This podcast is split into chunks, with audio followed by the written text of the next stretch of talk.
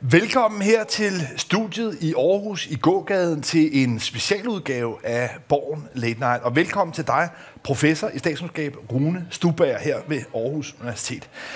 Jeg kunne godt tænke mig at prøve at få dig til at hjælpe mig og seerne til at forstå, hvilken rolle den grønne dagsorden og klima egentlig spiller i dansk politik. Fordi i de sidste mange, mange år har vi været vant til, at udlændingepolitik i høj grad har været den udslagsgivende øh, faktor. Men der er noget, der tyder på, at klimaet ikke bare blandt de unge vælgere, men i det hele taget over det politiske landskab, begynder ligesom at øh, faktisk flytte vælgere ind over midten. Dig og din kollega, professor Kasper Møller Hansen fra øh, Statskundskab i København, øh, var hovedredaktør på den bog, den valgundersøgelse, der kom fra sidste valg, og har simpelthen kaldt øh, det sidste valg klimavalget. Rune Stubager, er klimapolitik blevet, om man så må sige, næsten den nye udlændingepolitik, den politik, som afgør valg?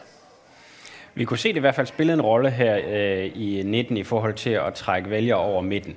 Øh, men øh, jeg tror, der skal gå lige nogle år, før jeg tør øh, placere det på niveau med, med, klima, med udlændingepolitikken. Undskyld. Øh, fordi vi endnu helt har til gode at se, hvordan konkurrencemønstrene bliver omkring det. Altså det der jo er det helt særlige med, med udlændingepolitikken er, at øh, det over en længere periode har flyttet vælgere øh, på tværs af midten. Øh, og, og det der så var særligt med det emne, var, at det så også lykkedes de røde partier, der traditionelt, øh, ikke mindst Socialdemokraterne jo, der traditionelt har tabt på det, øh, og lægge emnet dødt, og så måske af den vej kunne, øh, kunne lokke nogle af de tidligere tabte vælgere tilbage i folden her øh, i 19. Så, men det var udlændinge. Men, men, hvis vi ligesom tager den øh, bog, I har lavet, og det kan man sige, det er jo sådan et, et meget langsigtet forskningsprojekt, hvor I ligesom har fulgt altså alle folketingsvalg, og prøv at se, hvad er det for nogle altså vælgermønstre, hvad er det i virkeligheden, der, der, der får dagsordner og alle mulige spørgsmål, der flytter øh, vælgerne.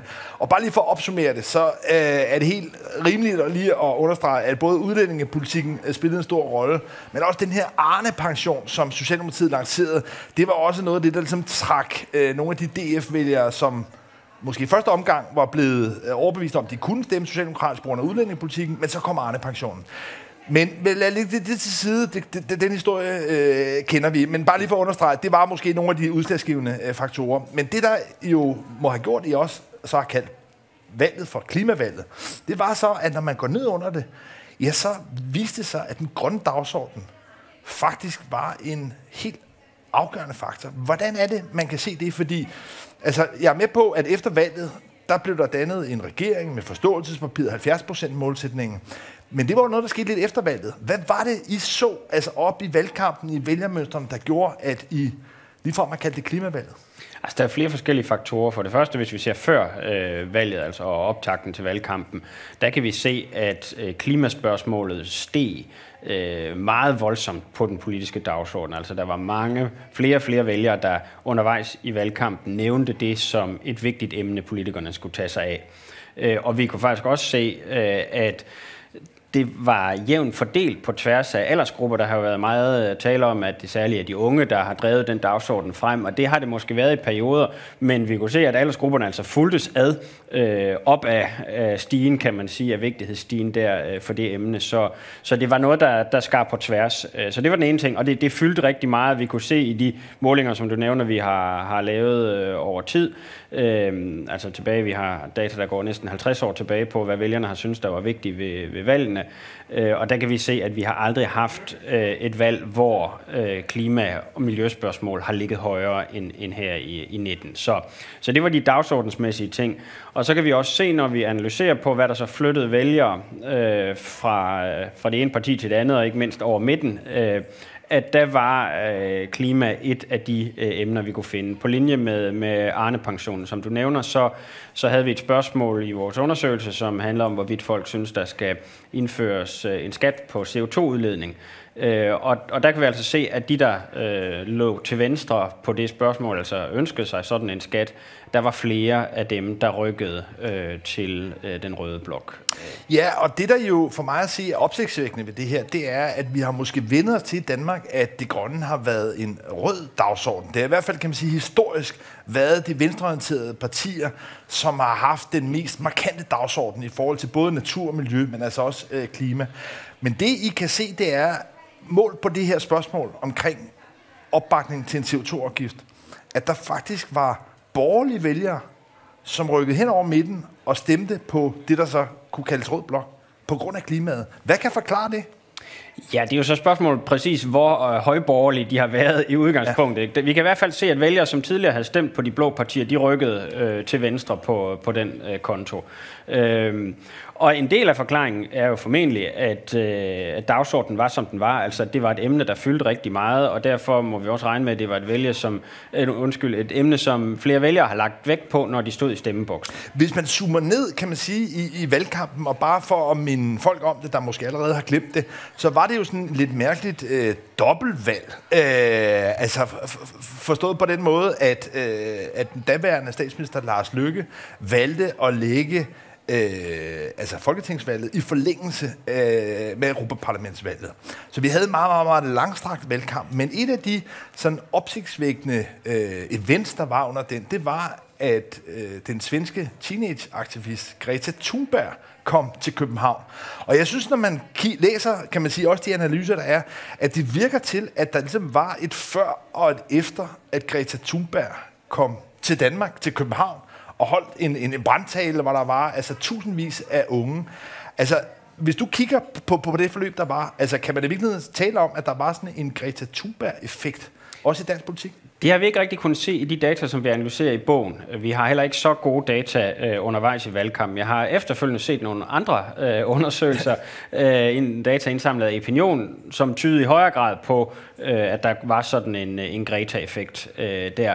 Men, øh, men det er ikke noget, vi har kunnet se i vores analyser. Men, men, men, men, men altså, fordi jeg, jeg er bare nysgerrig på, hvad det er for nogle begivenheder, der ligesom har, har, har ført til, at altså selv så kalder du ikke højborgerlige vælgere, men altså kan man sige så sådan øh, centrum højre, øh, midtersøgende borgerlige vælgere, at de er rykket over. Altså har der været nogle begivenheder, der på en eller anden måde kan forklare, at, at, at det er rykket? Um, altså der har jo været en, øh, i perioden op til valget, også øh, undervejs i valgkamp, var der jo en generel mobilisering omkring det emne. Altså der var masser af mennesker, der gik på gaden og, og demonstrerede og, og så videre, og, og det, er jo, det er jo ikke en ny ting. Øh, det, det, det nye er, at det har fyldt så meget, men det har jo været under udvikling rigtig længe, øh, det spørgsmål. Øh, og, og indimellem så bliver vi jo også af sommerne mindet om, at, øh, at nu, øh, nu bliver det måske lidt varmere eller vådere, øh, end det har været tidligere. Ikke? Så, så det, er jo, det er jo noget, der, hvis jeg skal sige det lidt øh, floskelagtigt, ligger i tiden, kan man sige. Det er jo vel sagtens vores tids største emne. Det er også det politiske emne, det er også det, der kan medført de formentlig største forandringer af vores øh, tilværelse, alt afhængig af, hvilke løsninger, som politikerne finder frem til. Men Rune Dubær, nu er du som øh, professor og forsker jo altså, lidt mere tilbageholdende med at komme med sådan nogle øh, lidt mere øh, brallersnakkende konklusioner, end, end jeg og mine kolleger som politisk kommentator er, og øh, stor respekt for det. Men, men netop derfor kunne jeg godt tænke mig at spørge dig, hvor dybt det her egentlig stikker, fordi man kan konstatere, at det blandt unge og i det hele taget generelt er noget, der er, er, er kommet op som en, en hoveddagsorden. Men, men, men, men hvad er din vurdering, også når du kigger hen over tid?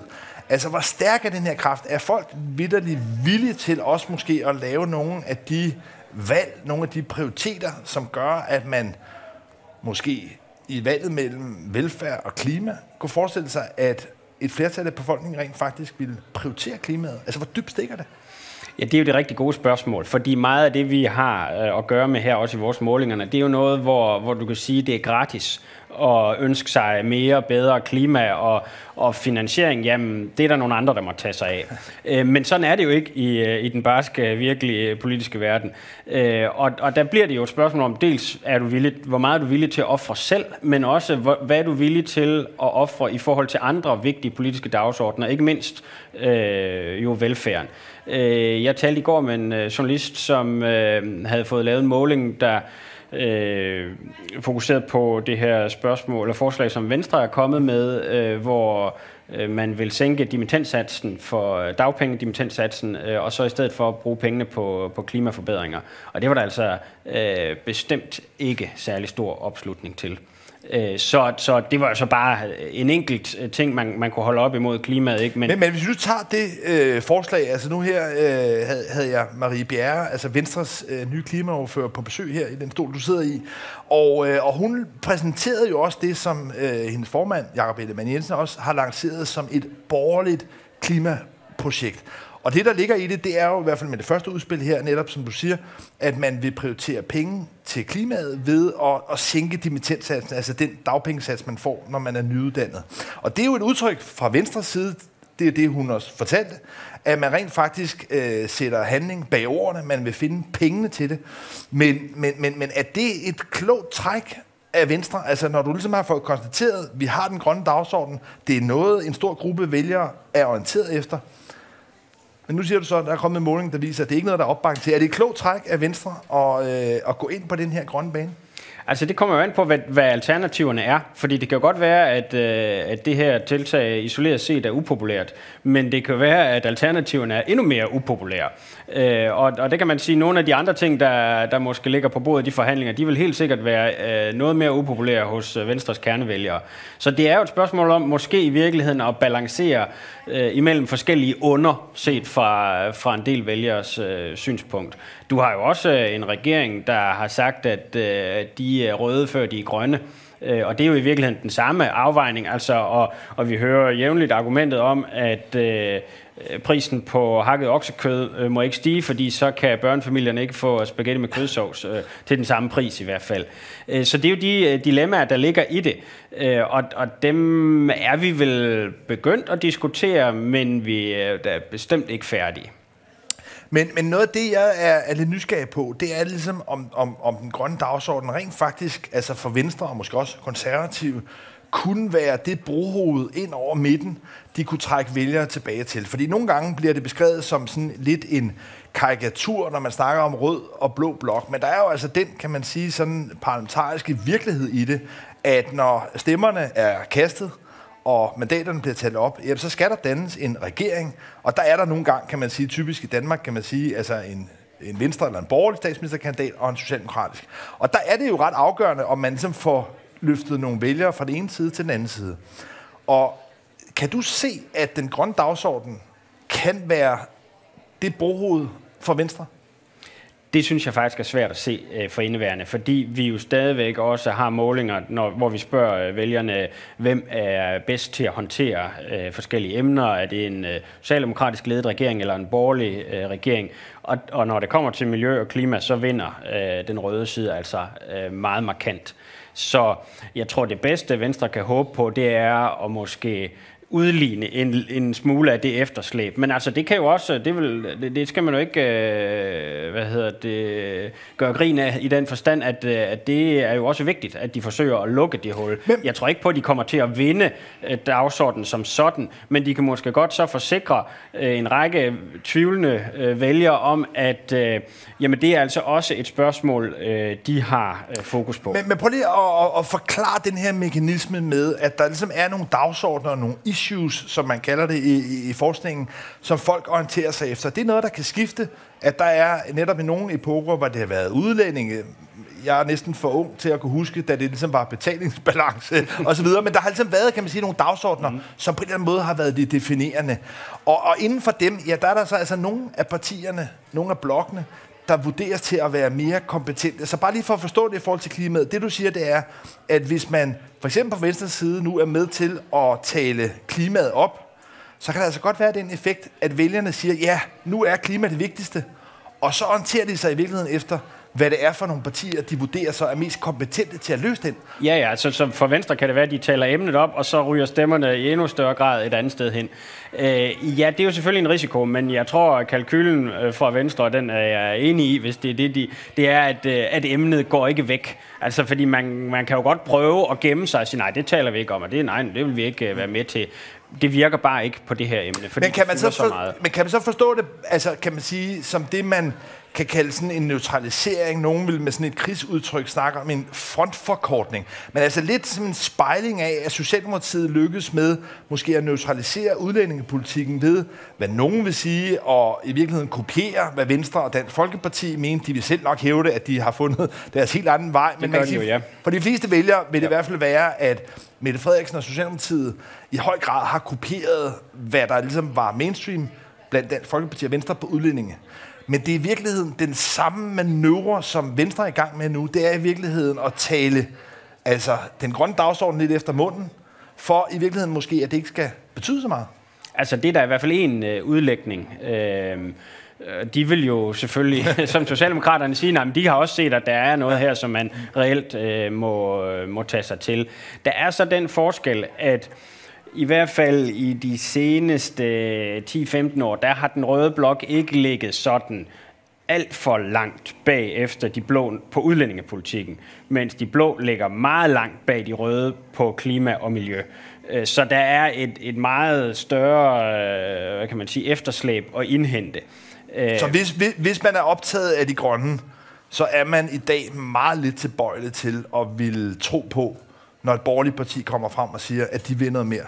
Det vil der være en del vælgere, der har det sådan, og måske i særdeleshed, hvis, når det er Venstre, der siger det, fordi Venstre jo er øh, kendt som øh, landbrugets repræsentanter, og, og det er jo også noget, der fylder hos dem i dag. Øh, og det er jo der, hvor vi står nu. Det, det bliver jo afgjort her i efteråret, om hvordan Venstre stiller sig i forhold til, om de vil gå med i, øh, i det forlig, der kommer på, på landbrugsområdet, den aftale, der kommer på det område. Okay, men lad os i hvert fald konkludere så et, at øh, den grønne dagsorden, klimaet, er rykket op, kan man sige, blandt altså den håndfuld, kan man sige, af hovedtemaer, der er, at Venstre nu forsøger på en eller anden måde at krabbe sig ind og markere sig. Det ser svært ud. Samtidig må man jo også konstatere, at Socialdemokratiet er jo, som du selv siger, Mette Frederiksen siger, at hun er rød, før hun er grøn. Det er jo også et parti, som på en eller anden måde er under beskydning for ikke at ville den grønne omstilling. Så kunne man jo godt tænke, at der var et stort vakuum, et stort tomrum imellem i virkeligheden for nye grønne partier. Det er jo det, man har set i Tyskland lige nu, øh, frem mod øh, Bundesvalget her øh, senere på måneden, at de grønne står stærkt. De går nok siddet en lille bit smule, men det er blevet næsten det nye kongemagerparti i Tyskland. Vi ser i Norge, hvor der også er valg her om, om øh, 10 dage, at øh, de grønne også står stærkt. Det samme i Sverige. Herhjemme virker det så til gengæld til, at de grønne partier er smuldret fuldstændig. Ronald Stuberg, hvad er din forklaring på, at alternativet er kollapset, at de frie grønne, som er udbrydere, som måske når at samle vælgererklæringer nok, heller ikke står stærkt. Veganerpartiet ligger og ruder nede. Der er også momentum, der er andre partier. Hvorfor er de grønne partier i Danmark i en så sølle forfatning? Altså noget af det skal jo søges internt i de partier. Øh, men jeg vil sige sådan, hvis vi ser det, det lange perspektiv og sammenligning med de andre lande, så vil jeg pege tilbage på, på 70'erne og 80'erne, hvor øh, de øh, partier, der var på venstrefløjen dengang, jo knyttede forbindelser til de øh, udenomsparlamentariske bevægelser, der var miljøbevægelser osv., modstand mod atomkraft, øh, blev jo allerede tidligt koblet ret tæt for eksempel til SF, og Socialdemokratiet tog jo Danmark det standpunkt, i modsætning til en række af de andre lande, at, øh, at der ikke nødvendigvis var nogen modsætning mellem miljøbeskyttelse og så øh, en venstreorienteret øh, politik, hvor man jo i Tyskland og måske også i Sverige i et vist omfang har set den der modsætning mellem øh, arbejdspladser og miljø, øh, og, og så valgt arbejdspladserne. Ja, altså hvor fagbevægelsen og Socialdemokratiet i både Sverige og Tyskland har været mere sådan industritungt. Ja. Så har der jo måske også med, med Svend Augen, som man også kunne det. fremhæve som, ja, ja, ja. som en markant figur. Ja. Ja. Men man slog øh, ret tidligt ind på det, vi i dag kender som sådan en grøn væksttankegang. Øh, sådan at øh, den grønne dagsorden i virkeligheden blev overtaget af de øh, røde partier allerede tilbage i 80'erne. Øh, og, og, og derfor har markedet sådan set været mættet, kan du sige. Der var nogen, der udbød øh, grøn politik. Vi havde jo øh, en dansk aflægger af de grønne, øh, kan jeg huske fra min, øh, min barndom, der, der stillede op, jeg tror det var 1987, med endda en, øh, en naturaliseret tysker i, i spidsen. øh, det gik ikke særlig godt. Men det gik, gjorde det så til gengæld, kan man sige, i 2015, hvor ja. øh, Alternativet øh, bragede ind, og jo også på en række andre dagsordner. Det var på mange måder måske et Aarhus-inspireret parti med Nobelbæk og Herblå og hele en eller måde kan man man sige, blev mobiliseret også landspolitisk. Men der lykkedes det jo at komme ind, kan man sige, også i forhold til iværksætteri. Der var andre dagsordner, men det grønne blev i hvert fald meget definerende for Alternativet. Mm-hmm. Og sådan lidt som skæbnens ironi var det jo på mange måder Alternativets øh, valgparole om en 70% reduktion, der endte med at blive regeringspolitik, mm. på trods af, og det er jo sådan nogle gange, at politik er mærkeligt, på trods af, at Alternativet så ikke var med i det her forståelsespapir. Øh, Men man må vel sige, at Alternativet er vel det parti, som har formået at sætte den her klimadagsorden i Danmark. Er det ikke en rimelig beskrivelse? De har da i hvert fald skubbet til øh, på den, men, øh, men det kunne de andre partier jo også godt øh, fornemme, øh, og derfor begyndte de jo altså at markere sig på det også, og det er jo da også en del af forklaringen på, at det ikke gik bedre for Alternativet øh, i 19. Det var, at... Øh, de sejrede helvede til, kunne man sige. Ja, det kan du sige, fordi at øh, de tre øh, nuværende støttepartier i hvert fald øh, havde da udmærket lugtet lunden, også jo i og med, at at de jo sådan set var positioneret på det område i forvejen.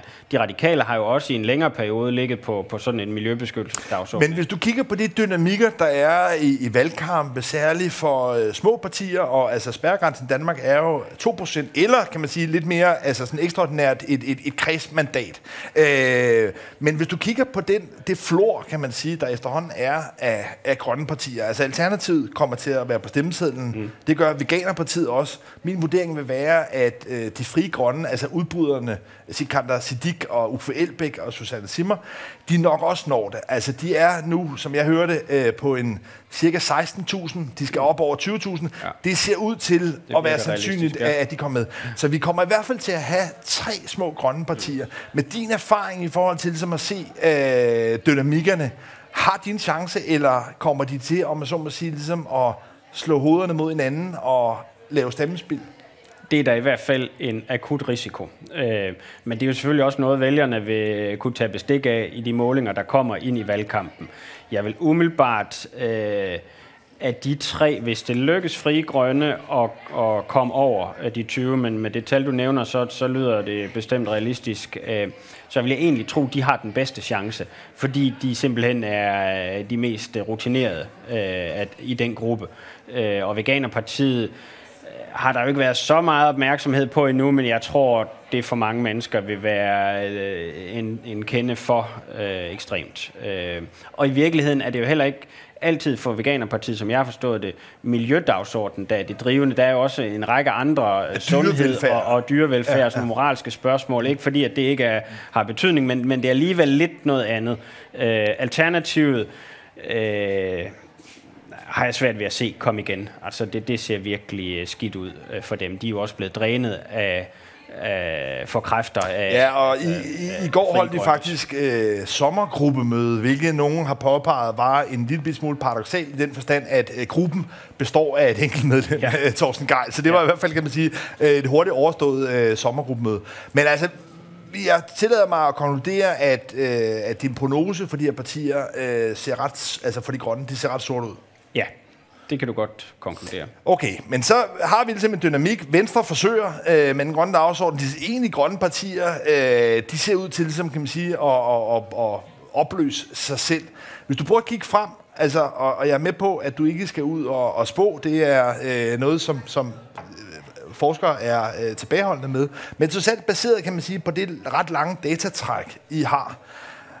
Hvordan ser du så, at, at klimaet kommer til at, øh, at, at, at præge altså den politik de kommende år? Altså er det ligesom et spørgsmål, som når det kommer til stykket, vil kunne overtrumfe nogle af de andre mere lidenskabelige dagsordner, vi kender med udlændingepolitik, med ældrevelfærd. Øh, altså, jeg tror ikke, du skal undervurdere lidenskab, når det kommer til, til den grønne dagsorden. Altså, det, det er da i hvert fald et emne, der kan, der kan mobilisere øh, kræfter.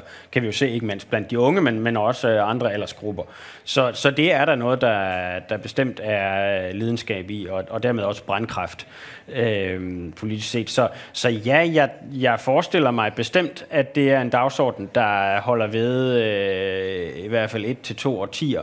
Måske lidt i varierende øh, grader. Det er jo nu må vi jo se, hvad de kan enes om. Ikke? Jo, jo mere, så at sige, jo mere, større reduktioner man kan blive enige om, og jo hurtigere indfasningen, jamen jo, jo mindre er der så måske efterfølgende at slås om så længe at det så også virker, fordi vi skal jo også huske øh, den, den bredere kontekst, at, øh, at hvad vi måtte øh, reducere herhjemme, det, det fylder jo beklageligvis ikke så meget i, i det globale. Nu indledte jeg øh, med at udfordre lidt i forhold til at sammenligne det med udlændingepolitikken. Det var du lidt tilbageholdende med, og det, det må man vel også konstatere ret nøgternt i dag, at det har nok ikke den samme øh, ild måske. Men, men jeg kan ikke lade være med at tænke på, at der måske alligevel er et mønster, som jeg i hvert fald tænker, kan begynde at boble frem. På samme måde som at udlændingepolitikken tog ret lang tid med at slå igennem på Christiansborg. Det var noget af det, der i første mange år var Dansk Folkepartis meget stærke kraft. Det var, at vi havde et emne, som øh, etablissementet ikke rigtig ville tale om, men som der ude blandt folk ligesom var en frustration over. Og den her øh, manglende repræsentation i virkeligheden af en folkelig bekymring, det skabte frustrationer. Jeg begynder altså at se og høre og mærke noget lidt lignende, når det kommer til klimaet. At nok snakker de så måske mere om det, men der sker ikke rigtig noget. Kan du se for dig, at der på en eller anden måde, altså igen med en parallel til den her øh, understrøm, som lige pludselig slår igennem på Christiansborg, at der også begynder, kan man sige, at være en modsætning mellem, hvad politikerne sniksnakker om, og så hvad mange, særligt unge vælgere, går med frustrationer. Ja og nej. Altså på den ene side, så kan, der er jo ikke nogen på Christiansborg, der siger, at det her skal vi ikke tale om. Det her, det er ikke stuerent, altså, nej, som, som der var uh, på udlændingeområdet. Ja. Så det er jo ikke sådan, at, at emnet bliver lagt væk. Så ser jeg egentlig mere det, du der nævner, som måske sådan lidt utålmodighed mm. uh, i forhold til, kan der nu ikke snart ske noget? Det her er et uh, påtrængende problem.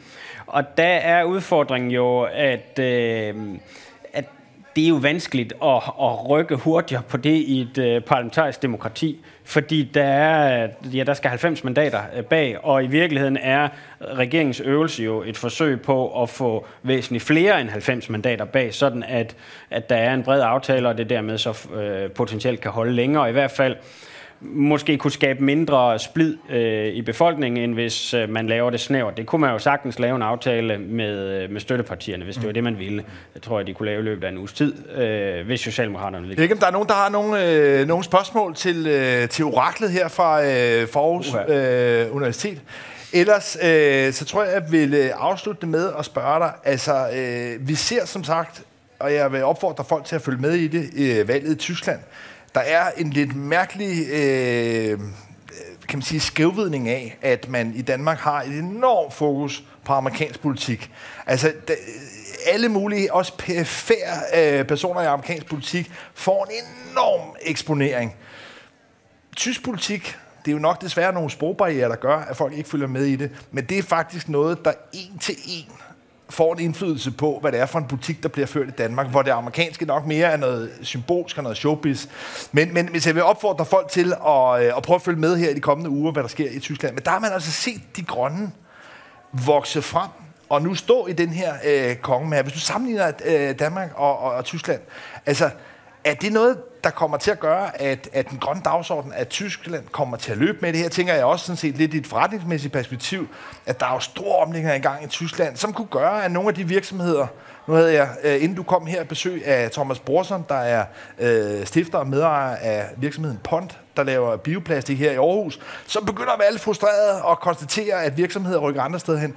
Men den her effekt, man har med de grønne i Tyskland, er det noget, der gør, at, øh, at Tyskland i virkeligheden ser ud til måske at kunne blive det rigtige øh, altså, grønne forgangsland? Pointen er, den dynamik, man har med et stort grønt parti, er det noget, der vil gøre, at Tyskland løber afsted med den her dagsorden? Lad os nu se, de der målinger, de kører jo op og ned, ja. øh, og øh, for tiden øh, ser det ud til at være Socialdemokraternes, øh, der, der er kommet igen, kan man sige, efter at have været dømt øh, voldsomt ude. Altså, der er jo måske en højere grad splittelse i Tyskland, hvor man har det der grønne parti, som jo har en lang historie og, og har en, en meget stærk profil på det område, men de står jo altså over for en, øh, en industri, øh, svære industri og bilindustri ikke mindst, som vi jo slet ikke kender til mm. i Danmark. Så der er jo noget, der i den grad trækker i den anden retning, og hvor der jo er bundet så vanvittigt mange arbejdspladser, i øvrigt også for Danmark, fordi vi er underleverandør til det jo, øh, op i det. Så, så derfor har jeg svært ved at se Tyskland sådan fuldstændig løbe med den grønne dagsorden. Men, men Tyskland er jo også påvirket af, af de her spørgsmål, som vi diskuterer i Danmark, og flytter sig jo øh, også på den dagsorden. Og, og alle er jo sådan sige, så at sige på det tog. Spørgsmålet er, hvor hurtigt det skal køre. Men i hvert fald vil jeg øh, afslutningsvis sige, at hvis man er engageret i den grønne dagsorden, så øh, kig mod Tyskland, følg med i, hvad der sker. Fordi for mig er der i hvert fald ikke nogen tvivl om, at hvis det skulle ende med at blive en ny altså regeringskonstellation, hvor de grønne spiller en afgørende rolle, så er det virkelig noget af det, der kan komme til at rykke også grøn politik i Danmark mere måske, end hvad nogle af de her små grønne partier tumler med. Ja. Rune Stubager, professor i statskundskab på Aarhus Universitet og medforfatter, hovedforfatter til Klimavalget. Tusind tak, fordi du kom her i Born Late Night Special. Var så lidt.